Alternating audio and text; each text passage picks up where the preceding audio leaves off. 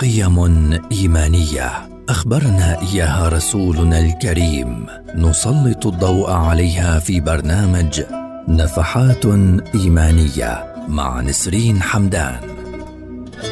برنامج نفحات إيمانية يأتيكم خلال شهر رمضان المبارك في مثل هذا الموعد عبر أجيال.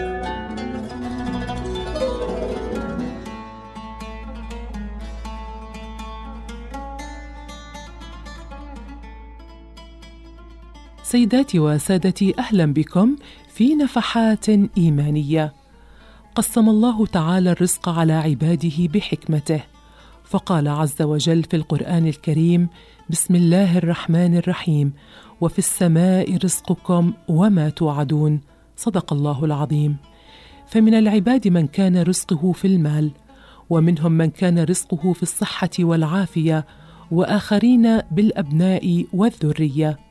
إلى جانب الإيمان بذلك يجب على المسلم السعي في الطلب والبحث عن الرزق. فهو نوعان رزق يطلب العبد ورزق يطلبه العبد.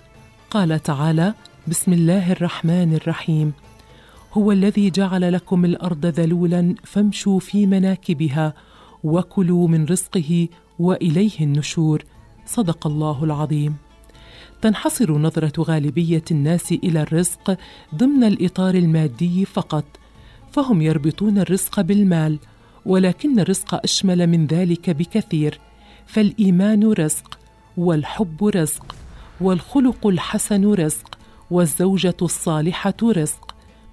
مستمعين الكرام على المسلم طلب الرزق والسعي إليه إلى جانب الدعاء والتوكل والالتجاء إلى الله تعالى بتيسير أبواب الخير والبركة والزيادة فيه.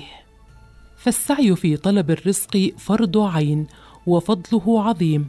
والله ذلل لنا الأرض بما فيها وأمرنا أن نسير في أرجائها وأن نبحث عما أودع فيها من الخيرات التي جعلها الخالق متنوعة بحسب تنوع العصور والأزمان وبمقدار تنوع حاجات الإنسان ومطالبه. فمن يرغب في زيادة ربحه وكثرة فائدته فعليه بالسعي والاجتهاد في اجتناء الخيرات وأن يستشعر الجد والنشاط وأن يطرح العجز والكسل.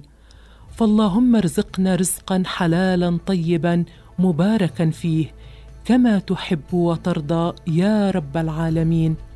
سيداتي وسادتي دمتم بكل خير وإلى اللقاء.